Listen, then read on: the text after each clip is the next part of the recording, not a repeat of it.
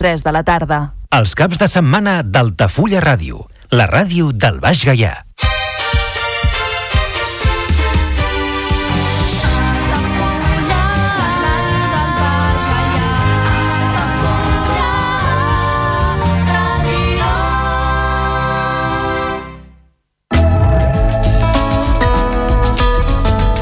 L'agenda Altafulla Ràdio.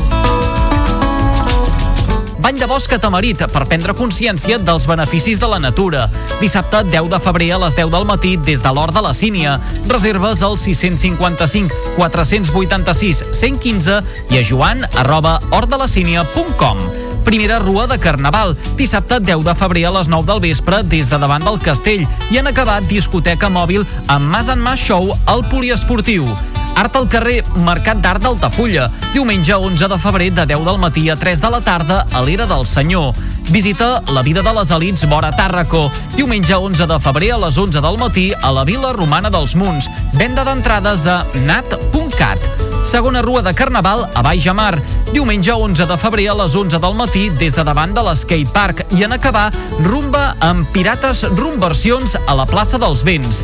Tercera rua de Carnaval, diumenge 11 de febrer a les 5 de la tarda des de davant del castell i en acabar festa d'animació amb DJ i coreografies a la plaça Martí Royo. Comiat del Carnestoltes i enterrament de la sardina amb els Diables i les Colles de Carnaval. Dimecres 14 de febrer a un quart de nou del vespre des del carrer de l'Hostal. Presentació de l'Oliverot 29, retalls d'història d'Altafulla, els indians d'Altafulla 1765-1833, de Salvador Rovira. Divendres 16 de febrer a les 7 de la tarda a les antigues escoles Teresa Manero. Organitza Centre d'Estudis. Projecció de la pel·lícula Broker. Divendres 16 de febrer a les 8 del vespre al Casal La Violeta. Organitza Cineclub Altafulla Link. Copa Catalunya de BTT Infantil. Diumenge 18 de febrer a partir de les 10 del matí des del Camí de l'Ermita. Formació Bibliodigital. Dimecres 21 de febrer a les 5 de la tarda a la biblioteca. Reserva de places al WhatsApp 608 589 530. Tarda de jocs en família per nens i nenes de 4 a 10 anys. Dijous 22 de febrer a les 5 de la tarda a la biblioteca. Inscripcions al WhatsApp 608 589 530. Concert d'Olga Pes, presentació de Hello Sun, dissabte 24 de febrer a les 8 del vespre al Casal La Violeta. Visita guiada a la desembocadura del riu Gaià i a l'Hort de la Sínia, diumenge 25 de febrer a les 11 del matí des de davant del Club Marítim. Reserves al 655 486 115 i a joan arroba hortdelacínia.com. Aula Universitària de Gent Gran, al Temple de la Sagrada Família, a càrrec de Josep Maria Boqueras Bach. Dimarts 27 de febrer a les 6 de la tarda a l'Esplai. Reserves al 689 724 907.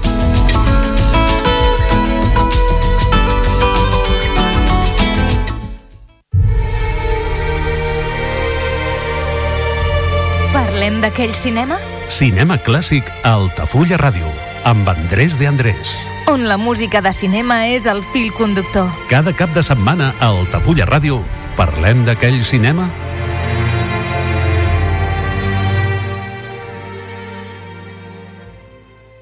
Els parla Andrés de Andrés amb el programa radiofònic Parlem d'aquell cinema.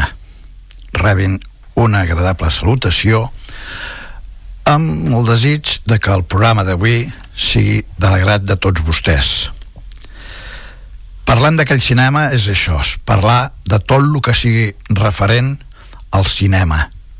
I avui parlarem d'un gran músic que va estar amb les pantalles, sobretot americanes, i que va donar la volta al món les seves pel·lícules, la seva música, la seva orquestra. Parlem del català Xavier Cugat.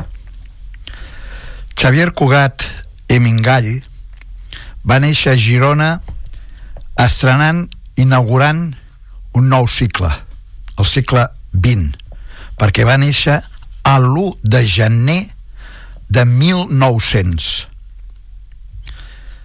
És casualitat? Doncs pues així. Ell sempre ho feia present en totes les entrevistes i desgraciadament, com ens toca a tots, va morir a Barcelona el 27 d'octubre de 1990. Aquí hi ha una casualitat també, neix en 1900, que hi ha un nou, i mora a 1990, aquí també hi ha nous. Va ser un músic i dibuixant català i cubà, artista de moltes facetes i principal difusor de la música llatina amb els Estats Units. Xavier Cugat va fer més de 50 pel·lícules, mils de discos i nombroses actuacions a la televisió i a la ràdio. Tot el seu fons personal, totes les seves coses que ell va donar, es conserva a la Biblioteca de Catalunya. Ell va néixer a la plaça de l'Oli de Girona i de petit la seva família va marxar cap a les Amèriques. Això no està ben clar, però se sap que va ser entre 1904 o 1905. En un principi, el destí dels seus pares, i ell, lògicament, era Mèxic. Allà tenien coneguts que s'havien establert. Al final, de totes maneres, van atracar a l'Havana, a la illa de Cuba, on el seu pare va trobar un treball. Als 7 anys, quan va entrar al Conservatori Paireda per aprendre a tocar el violí clàssic, ja va demostrar que era un alumne amb grans dots musicals. Després de les classes actuava en un petit cine, el cine Pairet, propietat d'un dels molts catalans que havien a la illa. I què feia? Pues musicar les pel·lícules que en aquell temps encara eren mudes. O sigui, sortia la pel·lícula i ell anava tocant la música eh, d'acord amb les escenes que, que es veien a la pantalla, doncs així posava ell la música. I tan sols tres anys més tard, el seu professor, que també era el responsable de l'Orquestra Simfònica del Teatre Nacional, el va contractar com primer violín. El treball amb l'orquestra li va permetre estar al costat dels grans professionals que anaven a cantar a Cuba, com el tenor Enrico Caruso, que més tard li obriria els escenaris de Nova York. Però anem a fer una petita parada i anava a presentar part de la música que aquest home feia pròpia o quasi tot dels demés. La gravació que posarem avui pertany a un títol genèric que posa Cugat en França, Espanya e Itàlia. Què vol dir això?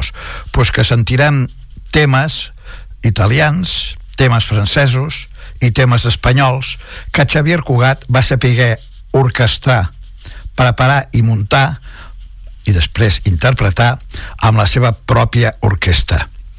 I per començar, sentirem, com és lògic, quasi tots són temes conegudíssims, Xiao Xiao Bambina, d'aquell gran Domenico Modugno, i que ens interpreta Xavier Cugat. Després seguirem explicant les seves cosetes. Escoltem, pues, Xiao Xiao Bambina.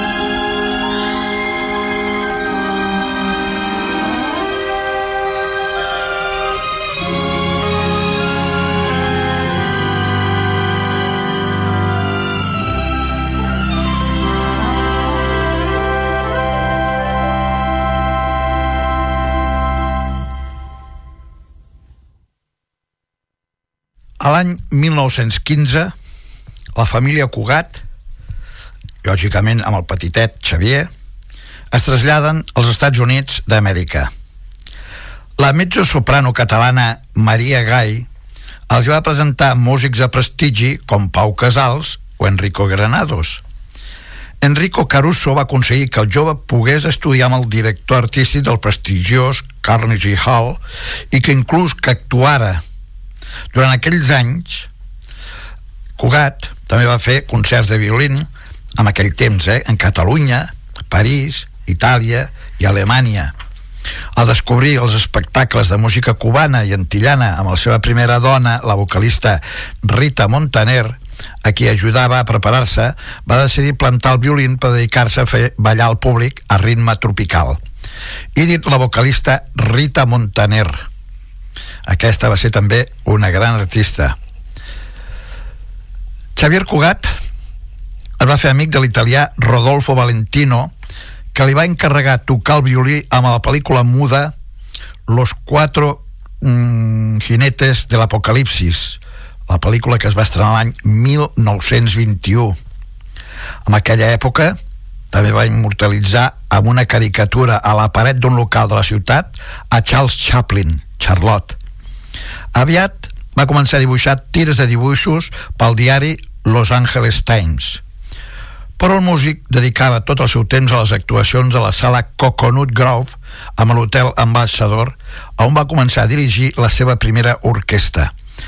Allà Cugat, mica en mica, va introduir les pistes de ball, la rumba, el tango o la conga.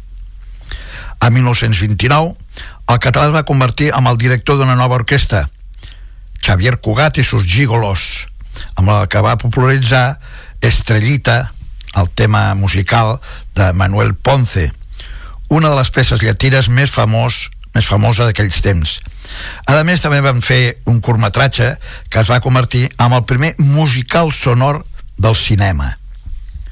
Para un momentet i anem a sentir ara un altre tema, en aquest cas anem a Itàlia. Aquí és un souvenir d'Itàlia, on interpreten peces de Giulio Scarnizzi, Lelio Lutazzi i Renzo Tarabuzzi. Escoltem, doncs, l'orquestra de Xavier Cugat amb aquest tema que es titula genèricament Souvenir d'Itàlia.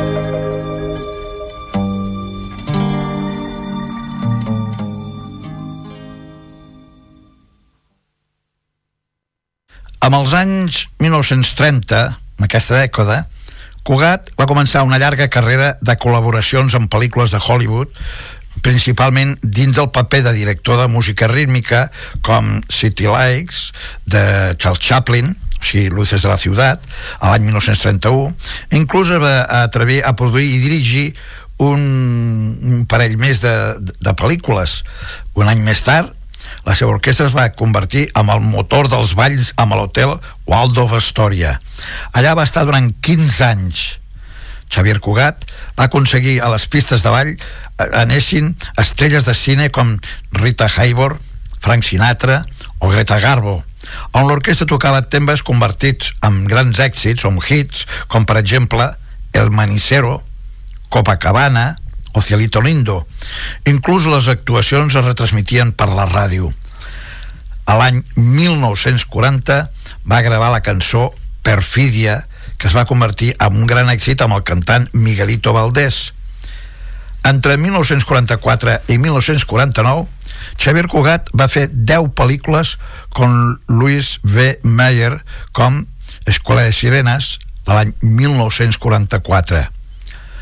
Als anys 1950 va aparèixer la cantant Carmen Miranda i Xavier Cugat va incorporar els seus, reis, els seus ritmes brasilenys per aquesta cantant. Més tard va ser Abelain qui es va creuar amb el camí del músic i es va convertir en la nova dona i la vocalista de l'orquestra. La parella va convertir més d'una dècada d'una fructífera carrera. Al final, la relació amb, Belain va suposar també el lent decliu o baixada de la carrera de Cugat. Als anys 1970 s'instal·la a Barcelona per fer les últimes pel·lícules i actuacions. Va treballar amb la cantant Nina. En aquesta època, però, es va dedicar principalment a dibuixar allà la seva suite amb l'Hotel Ritz amb el sintetisme Knife, un estil de dibuix que ell dominava molt bé. I va exposar per primera vegada en Europa, a Barcelona, les seves obres eh, a l'any 1972. En 1990, la Generalitat de Catalunya li dona la Creu de Sant Jordi alta condecoració catalana. Xavier Cugat va morir als 90 anys a Barcelona degut a un fallo cardíac. Va ser enterrat amb el cementiri de Girona amb la tumba número 68.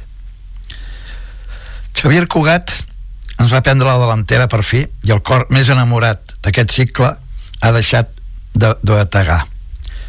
Xavier Cugat ha fracanjat un umbral de la història conseqüentment amb el caràcter jubilós de la seva llarga vida Després, la clínica ens ha enviat el seu guinyo, el seu ullet de, de, de picaron, i després de tot, se'ns ha adelantat amb l'últim viatge, com se nos ha adelantat en vida també amb tantes altres coses. Havia sigut indiscutiblement el monarca dels ritmes llatins a Nord-Amèrica i des del frontal de la seva orquestra havia fet ballar a dos generacions entusiastes. La seva implantació a Hollywood més o menys favorida pel famosa huelga inacabada dels músics nord-americans, ell va ser el que es va posar al front a actuar, va ser la plataforma definitiva de la seva gran popularitat. De nen, hauria volgut ser concertista de violí i per això va estudiar amb el Conservatori de Berlín en Jacques Heifels i de molt jove va tindre excel·lents oportunitats com ara d'acompanyar el famós tenor Enrico Caruso o la de tocar com solista amb el Carnegie Hall després va ser conseller musical de Charlie Chaplin. De totes maneres la seva carrera de violinista clàssic es va fer molt no sé que, com diria jo, camí amunt molt difícil i de cicle passar-se a un altre gènere més rentable per ell en tots els eh, aspectes. O sigui, que, que ell va veure que fent això no, no, no arribaria a ser una, una gran cosa per molt bé que ho fes.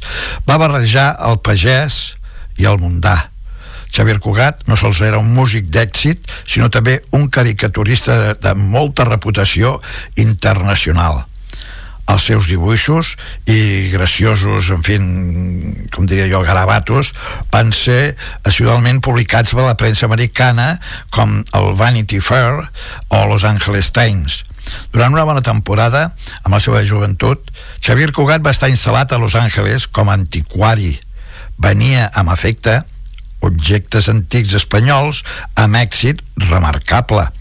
Però el camp en què Cugat sobresortia espectacularment era el de les relacions socials simpàtic de tracte elegant de principis i cordial sempre sabia tratar a qualsevol persona com amb una barreja equilibrada però imperceptible entre l'efecte d'un amic i la deferència d'un client el memorable concert popular de Xavier Cugat amb el seu orquestra i el seu espectacle amb la plaça de Toros Monumental de Barcelona amb els primers anys 50 es va adelantar també a la corrent de les multituds d'espectacles musicals en grans espais. Era tan arrellat del seu èxit que en aquells temps es van multiplicar amb el registre civil les inscripcions de recient nascuts amb el nom de Xavier. Amb els seus últims anys de residència a Barcelona Cugat va saber alternar i però molt alegrement el, el, el, el, el el, el, el que és la gran ciutat i sobretot la quantitat d'elegant gent que hi havia d'Hotel Ritz amb el repòs vigilat de les unitats de cuidados intensius. Va tindre bastants eh, problemes eh, de salut i entre un i altre fent tranquil·litat va aparèixer a públic amb el seu geni figura de sempre en reunions mundanes on volgués que s'hagués concentrat els focus de l'actualitat. Allà estava Xavier Cugat. Feia ben poc certament que amb el seu gest així com diuen els castellans cazurro de sempre va saber donar fe de la seva experiència amb els col·loquis de La vida en un xip de Joaquim Maria Pujal a TV3 per ara tot ja entrat amb el mar durat del record de moment encara la capella on es va instal·lar el centre de Pompes Fúnebres de Barcelona i va ser oberta als molts visitants que per ella van passar.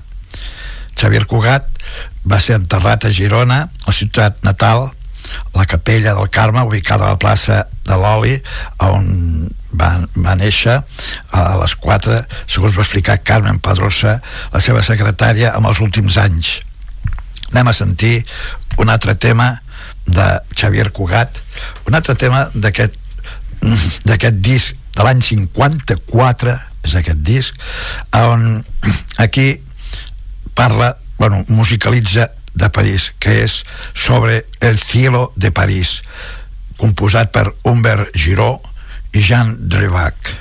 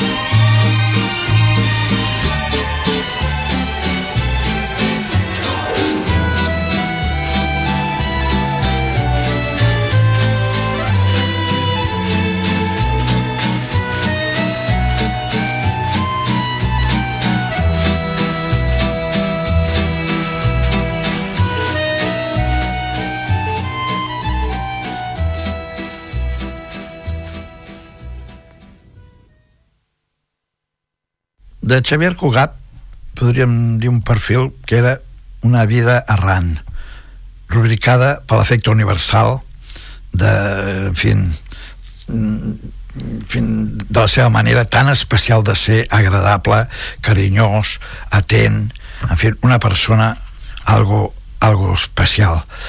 Ell realment, Francesc Xavier Cugat Mingall, que va néixer eh, amb la sort de cara, eh, va estrenar, com hem dit abans, any i segle. Va néixer el dia 1 de gener de 1900 i va, mm, va néixer a la plaça de l'Oli de Girona i aviat l'activisme polític del pare pues, va tindre que marxar d'Espanya de, i va migrar a Cuba. Ells volien anar més aviat a Mèxic però es van instal·lar allà en Habana, Xavier Cugat es passa les hores extasiat amb el taller d'un tal Salvador Iglesias, artesà, eh, no luthier, valencià, que fa fabricava instruments de corda. El dia de Reis de 1906, fàcil, Xavier Cugat aquí tenia sis anyets, Xavier rep el seu primer violí i poc després ingressa amb el Conservatori Pairella amb els 8 anys guanya els seus primers pesos tocant amb els cafès també il·lustra les projeccions d'alguns dels novedosos films muts que arriben a Cuba i s'ha de Caroli quan afirma que va debutar als 11 anys com primer violista a l'Orquestra Simfònica del Teatre Nacional de l'Havana. Allà coneix Enrico Caruso, que l'anima a visitar-lo a Nova York. Cugat va, eh, al cap d'un temps, perquè ell eh, desconeix l'inglès i sense ni un, ni, un cèntim, ni un centau i per colmo eh, Caruso pues, quan arriba allà es troba que Caruso està de viatge què fa llavors? Bueno, doncs, durant 10 dies Xavier Cugat s'alimenta amb rosegons de pa, aigua de les fonts que hi han per allà i dorm amb un banc del Central Park. Però la seva sort cobra forma amb la persona d'un altre català. Sis anys més gran que ell, el pianista i compositor Agustín Bor, Gunyó i Garriga es troben i ambos formen un dueto que amenitza les balades d'un restaurant. A canvi de menjars i els diners, doncs, la voluntat el que els hi dona el públic i el que els hi dona l'empresa. Amb l'època dorada dels artistes espanyols amb el Metropolitan Opera House, Maria Barrientos, Hipólito Lázaro, Miguel Fleta i Enrique Granados, que preparaven a l'estreno de Goyescas, van amb molta freqüència al restaurant. El noi de Girona amplia el seu camp d'amistats el conèixer amb aquesta gent i als 18 anys Xavier es casa amb Rita Montaner pianista i condisciple seva a l'Havana. La parella viatja per Europa i dona un, alguns recitals amb cert èxit a Berlín. Amb els diners guanyats amplien estudis de música clàssica i Rita Cansino amb el temps seria Rita Hayworth es consagrarà a l'exòtica eh, fent eh, vida del cinema. O bé també consagrarà a la Carmen Miranda eh, que, que va ser també una, una gran artista, era una dona bastant baixeta, duia sempre uh, a sobre del cap uns sombreros, per dir-ho així, amb fruites, bananes, eh, melons, eh, síndries, el que fos, però ella sempre anava així d'exòtica, i a més a més el seu baixeta duia un, unes sabates amb unes, amb unes soles tremendes Bé, doncs, eh, divorciat de, de Carmen l'any 1937, es casa també amb Lorraine Alien, una famosa model de l'època. Cugat és un venedor nat, ven discos a tot i plen. Sempre va afirmar que van arribar a vendre's 48 milions de còpies i ven cents de chihuahuas. Ell va ser el que va treure els chihuahuas. Els chihuahuas que veiem avui dia són molt més grans del que ell venia, perquè s'ha de dir que Xavier Cugat venia uns chihuahuas que li cabien amb la butxaca de l'americana del costat de la solapa o sigui que eren uns gossets molt, molt petitets. Surt en alguna pel·lícula, surt en moltes revistes la seva foto d'aquests chihuahuas. Això també ho criava i ho venia ell. Aquell, en fi, com diríem esborrall de gos, anano d'ulls saltons, caricatures i camises també venia mentre ell fa un somriure amb els seus ullets en fi, així picarons eh, i lluint la seva eterna incombustible pipa perquè ell també venia pipes encara que no hi fumava però la duia sempre a la boca puesto que mai va encendre cap de les 350 catximbes de la seva col·lecció perquè al final va acabar col·leccionant les seves catximbes com deia ell. Cugui se li deia així també, en vez de Cugat li deien Cugui Després s'ha sapigut que mai, mai, mai va fumar ni un cigarret ni una pipa i l'únic que fumava era el fum que deixaven els altres. Com tampoc mai va provar l'alcohol. La seva no, nova dona, la quarta, ella té 50 anys, ella un, un cos així tot sandunguero que deia i poc més, apenes té 20 anys. Es tracta de Junts munten un espectacle amb el que van per Europa en pos dels èxits que ja no arriben a tindre als Estats Units. Solsament tenen acceptació amb Itàlia, on estan algunes temporades intercalant actuacions aquí i allà. Les, en fi, les avançadilles que ja sortien del rock and roll eh, marquen el declive dels ritmes sabrosons portats al cènit amb la popularitat per Cugat. Si bé una cosa curiosa, ell apenes va composar mitja dotzena d'aquests ballables. Xavier Cugat i Anne Beleny també es van divorciar. En 1966 es casa amb la quinta i última dona de la llista, l'espanyola Charo López, de la que es divorciaria l'any 1970. Xavier Cugat sempre van tindre excel·lents llaços d'amistat amb les seves cinc dones, exdones, i també amb les madres, amb les mares sobretot, que cuidava molt això, que les seves sogres estiguessin sempre contentes. Vale els últims anys de la seva vida els dedica eh, en eh, a passar dolències cardíaques o, en fi, o a posar el seu nom en espectacles de signe divers. Anem a sentir un altre tema de Xavier Cugat basant-se en aquesta història de de cançons de França, Espanya i Itàlia.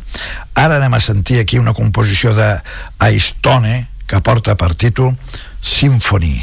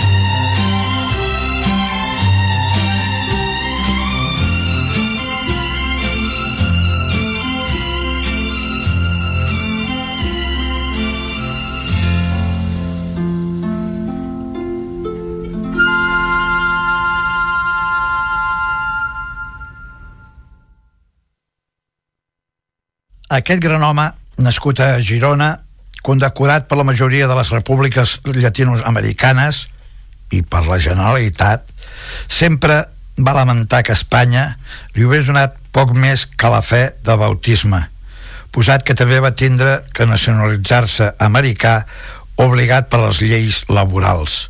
Clar, si ell actuava allà, tenia que ser americà. I, bueno, i com que ja va fer la seva vida, pues, ho va fer-ho.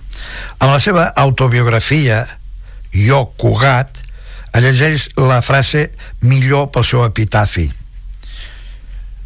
No recordo opressió d'odi contra la meva persona. Això ho posa, va posar-ho ell amb les seves memòries. Xavier Cugat i Abeleny, amb la remota Via Condotti, amb el mateix Conservatori de Berlín, fins que es trenca el matrimoni en 1900, eh, 1921, Nostroma té el seu violí d'ingrés, la caricatura.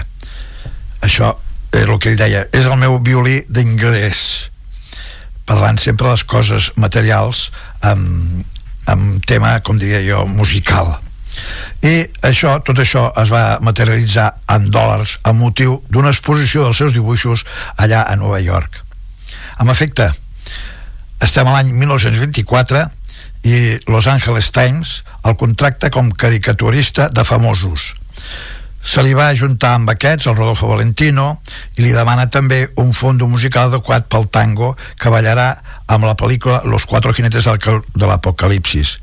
Entusiasmat a l'actor, li proporciona el primer contracte al front d'una orquestra amb el cabaret Ambassador i Coogie, que molt, molt aviat ja li van començar a, a, a dir tots allà a Hollywood, debuta amb el cine apadrinant, o sigui, millor dit, apadrinat per Charles Chaplin, Charlotte, un persona que anava molt contínuament amb aquest local del cabaret Ambassador la seva trajectòria cinematogràfica inclueix un munt de pel·lícules entre les que més destaca és un pastel, diguem-ho així, aquàtic, corrumbanchero, que és la pel·lícula Escuela de Sirenes, pel·lícula molt apreciada i coneguda aquí a Espanya i a Catalunya perquè va ser un gran èxit per tots nosaltres.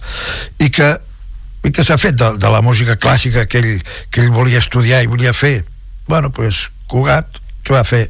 aparcar-la i anar per el que li donava diners. Cugat sap que mai serà un sarassate i per un altre costat sempre va tindre debilitat pel diners. Així, pues, viva la música bailonga amb la que serà el rei indiscutible. A l'any 1928 es casa en Carmen Castillo, una mexicana molt maca. El 1932 debuta amb la seva orquestra amb el flamant Salon 7 de l'Aristocràtic Hotel Waldorf Astoria de Nova York, on estarà per espai d'uns 15 anys. Eh, paral·lelament, una emissora transmeteix a diari 3 hores de ball amb l'orquestra de Xavier Cugat i serà ell amb el Waldorf Astoria qui a operar amb una adolescent que es diu Margarita Carmen un altre tema de Xavier Cugat amb un tema espanyol de Jerónimo Jiménez i és La boda de Luis Alonso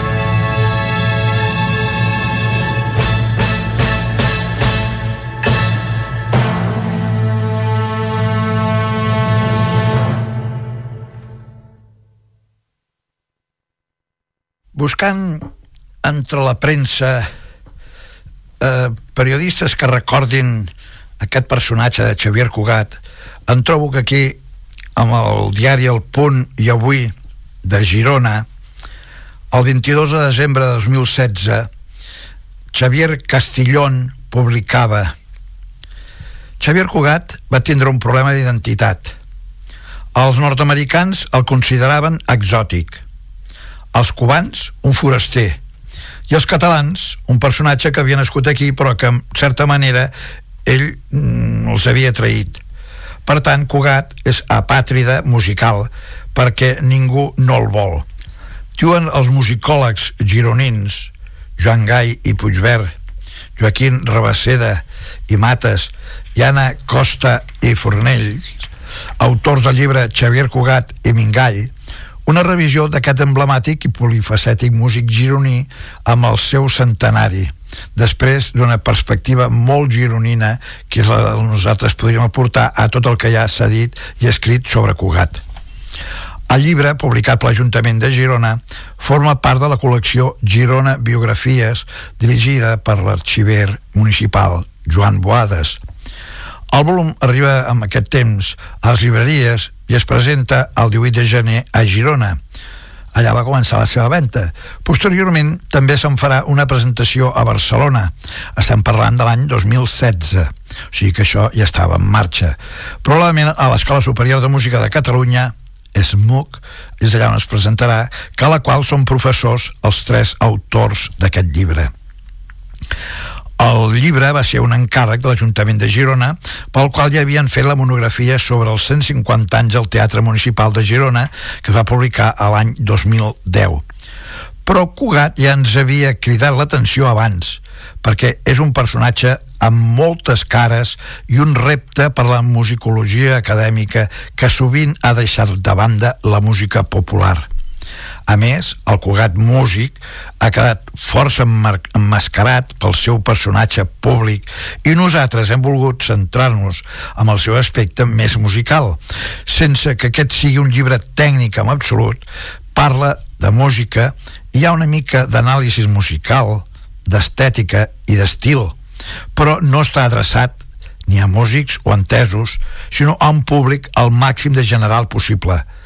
La musicologia no ha de quedar reclosa dins de les aules i tenim la responsabilitat de fer-lo arribar a tota la societat. Un altre tema que va interpretar precisament un autor que no era, no era precisament espanyol, Agustín Lara, amb un tema molt espanyol, això sí, que porta per títol València.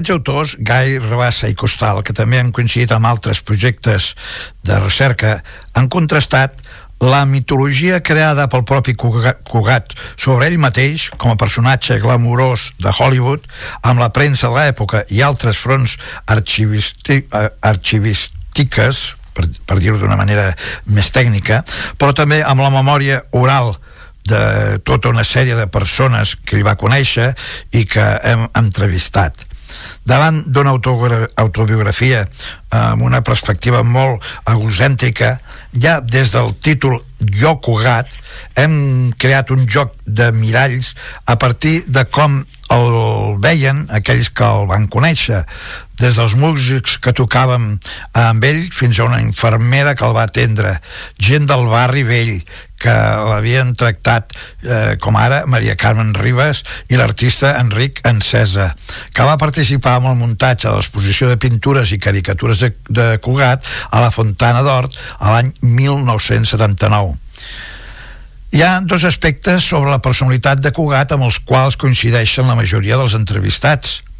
Era una persona molt simpàtica i a més tenia molt de nas tant musical com propagandístic per saber que volia el públic a cada moment no li va interessar mai ser un gran compositor i es va dedicar sobretot a fer nous arranjaments de temes ja coneguts per fer-ne una mixtura que fos més dirigible a un públic americà.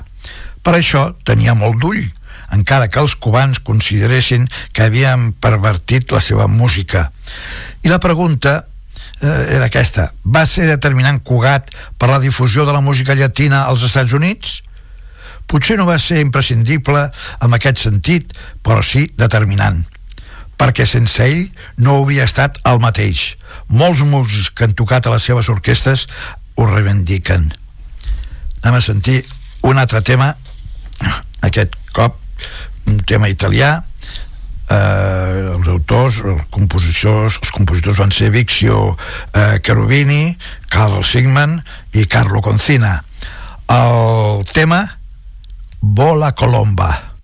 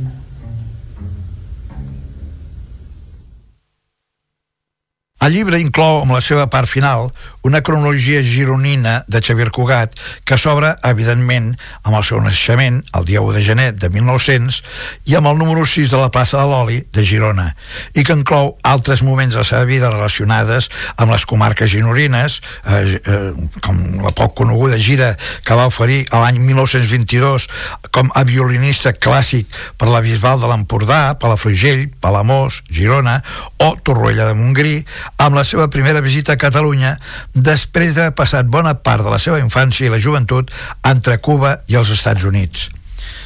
Ens ho hem passat molt bé fent aquest llibre. Hem rigut molt i a més estem convençuts que el personatge s'ho val i, i que no està esgotat.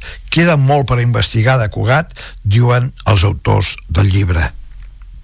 I per acabar, que els temps se'ns tira a sobre, anem a sentir avui l'última composició d'aquesta gravació, que és Com me facete mameta, la composició és de Giuseppe Capaldo i Salvatore Gambardella amb l'orquestra de Xavier Cugat. Tots els arreglos i l'orquestra són propis de Xavier Cugat. I Andrés de Andrés els hi agraeix la seva atenció espero que els hagi agradat el programa d'avui i en un altre pròxim seguirem parlant i acabar de Xavier Cugat amb altres temes d'aquesta gravació que parlem que és de fa molts anys, fa més de 50 anys.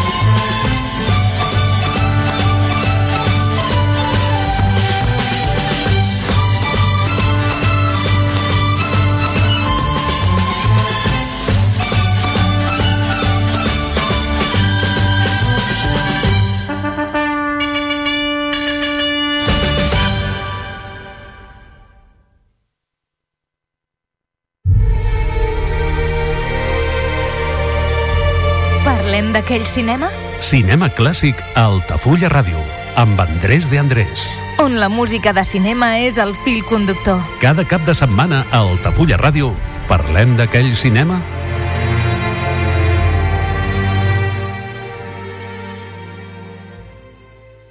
Ja coneixes les propostes que t'ofereix el Club Marítim Altafulla? Vine i descobreix totes les nostres activitats. Sortides en caiac o pa del surf, cursos de vela per a totes les edats. No t'ho perdis. Club Marítim Altafulla. Obert tot l'any i per a tothom.